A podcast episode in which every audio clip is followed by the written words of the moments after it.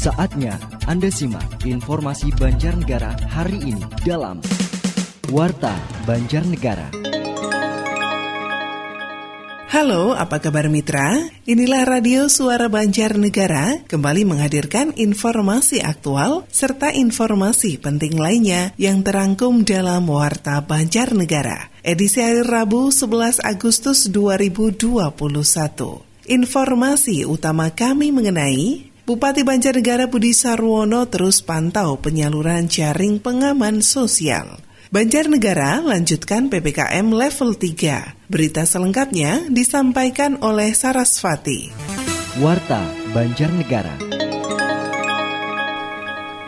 Pemerintah Kabupaten Banjarnegara terus menyalurkan jaringan pengaman sosial atau JPS sebagai konsekuensi dari perpanjangan PPKM yang dilakukan oleh pemerintah pusat. Penyaluran JPS untuk kesekian kalinya ini pun mendapatkan sambutan hangat dari masyarakat. Bupati Budi Sarwono mengatakan penyaluran JPS sesuai dengan instruksi Mendagri sebagai konsekuensi diterapkannya PPKM level 3. Menurutnya, penyaluran dana atau anggaran yang diserahkan adalah kewajiban pemerintah sebagai tanggung jawab diterapkannya PPKM kepada masyarakat dengan diperpanjangnya masa PPKM dan Banjarnegara masuk level 3. Kepada masyarakat yang terima jaring pengaman sosial ini harapan saya satu, tolong dimanfaatkan prioritas ya kan untuk kepentingan hidup sehari-hari gitu. Apalagi ini perpanjangannya sampai dengan tanggal 16 tanggal 16. Mudah-mudahan dengan JPS ini 300 ribu bisa untuk meringankan ya kan? Bukan menjamin tapi meringankan. Yang jelas pemerintah pemerintah ini hadir untuk masyarakat.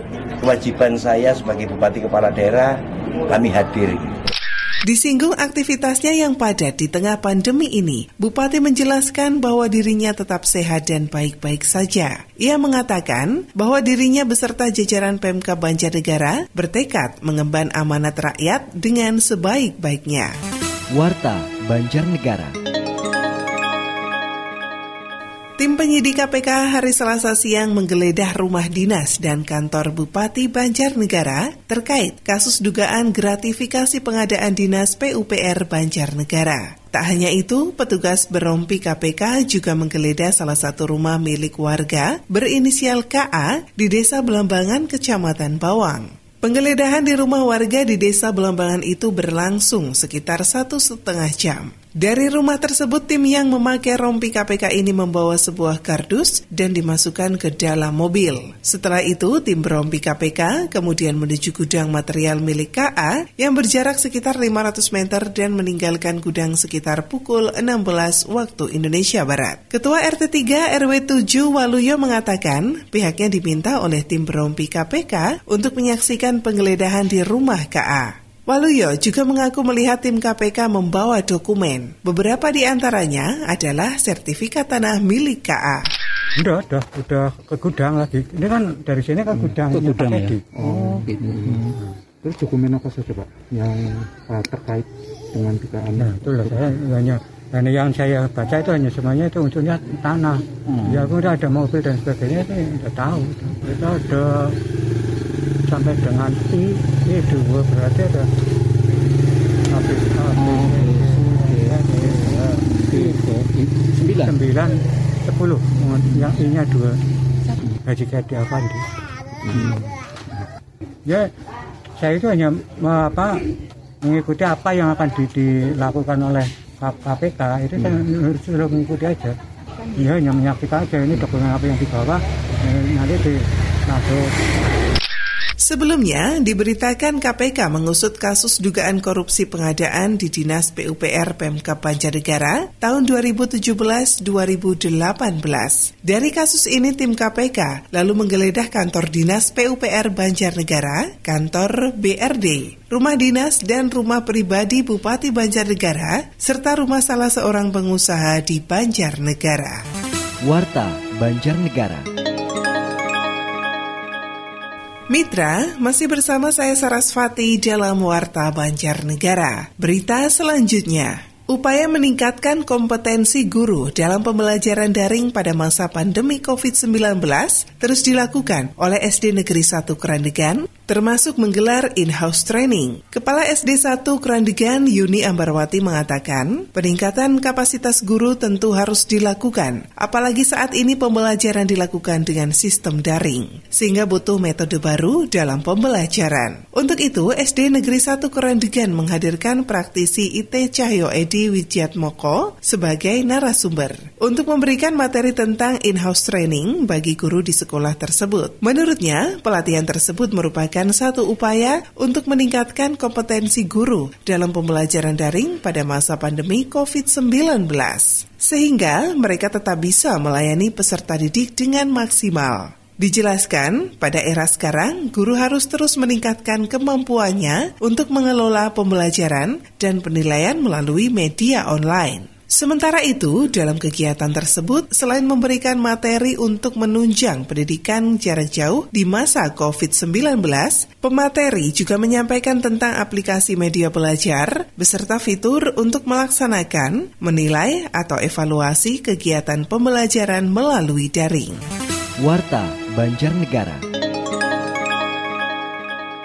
Pemkap Banjarnegara saat ini menerapkan PPKM level 3 turun dari sebelumnya yang masuk level 4. Bupati Banjarnegara Budi Sarwono mengatakan, dengan masyarakat terus disiplin dalam menerapkan protokol kesehatan sehingga Kabupaten Banjarnegara saat ini levelnya turun dari sebelumnya level 4, saat ini pada PPKM level 3. Pihaknya juga mengucapkan terima kasih kepada jajaran ASN TNI Polri yang telah mengedukasi protokol kesehatan kepada masyarakat sehingga Banjarnegara kini di level 3. Meski berada di PPKM level 3, Bupati juga meminta kepada masyarakat untuk tidak lengah, sebab hingga saat ini COVID-19 masih mengancam. Karena itu, masyarakat diminta tetap melaksanakan protokol kesehatan dengan ketat dengan terus melaksanakan 5M, yakni memakai masker, menjaga jarak, mencuci tangan, menghindari kerumunan, dan mengurangi mobilitas di luar. Ternyata Alhamdulillah Banjarnegara sekarang masuk level 3 tapi kita tetap terus waspada dan saya perintahkan kepada TNI dan Polri dan Pak Camat tidak tidak ada henti-hentinya untuk mengingatkan protokol kesehatan. Iya protokol kesehatan karena permasalahannya apa?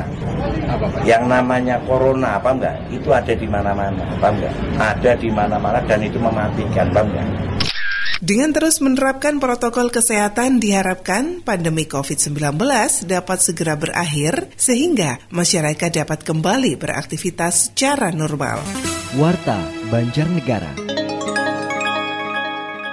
Mitra, kami sampaikan berita yang terakhir. Untuk kesekian kalinya, Polres Banjarnegara menggelar vaksinasi Merdeka Candi di Komplek Rumah Sakit Emmanuel Purwarja, Kelompok. Kapolres Banjarnegara AKBP Fahmi Arifrianto mengatakan, pihaknya menyelenggarakan vaksinasi dengan sasaran karyawan Rumah Sakit Emmanuel dan masyarakat umum. Dalam kegiatan itu, pihaknya menyediakan 600 dosis vaksin, sedangkan masyarakat yang hadir sebanyak 561 orang yang bisa tervaksin 537, sementara sebanyak 24 orang belum bisa dilakukan vaksinasi. Ia menjelaskan gerakan vaksin Merdeka Candi digelar dalam rangka menyambut hari ulang tahun ke-76 Republik Indonesia serta mempercepat vaksin pada masyarakat. Vaksinasi Merdeka Candi menyasar masyarakat Banjarnegara, khususnya yang belum mendapatkan suntikan vaksin. Menurutnya, gerai vaksinasi Merdeka Candi merupakan langkah Polri mendukung program vaksinasi COVID-19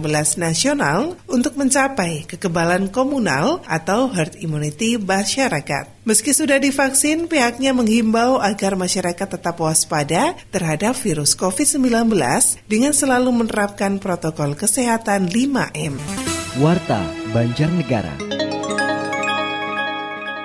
Demikian Warta Banjarnegara kali ini. Akhirnya, mewakili kerabat kerja yang bertugas, saya, Sarasvati, mengucapkan terima kasih atas kebersamaannya dan sampai jumpa.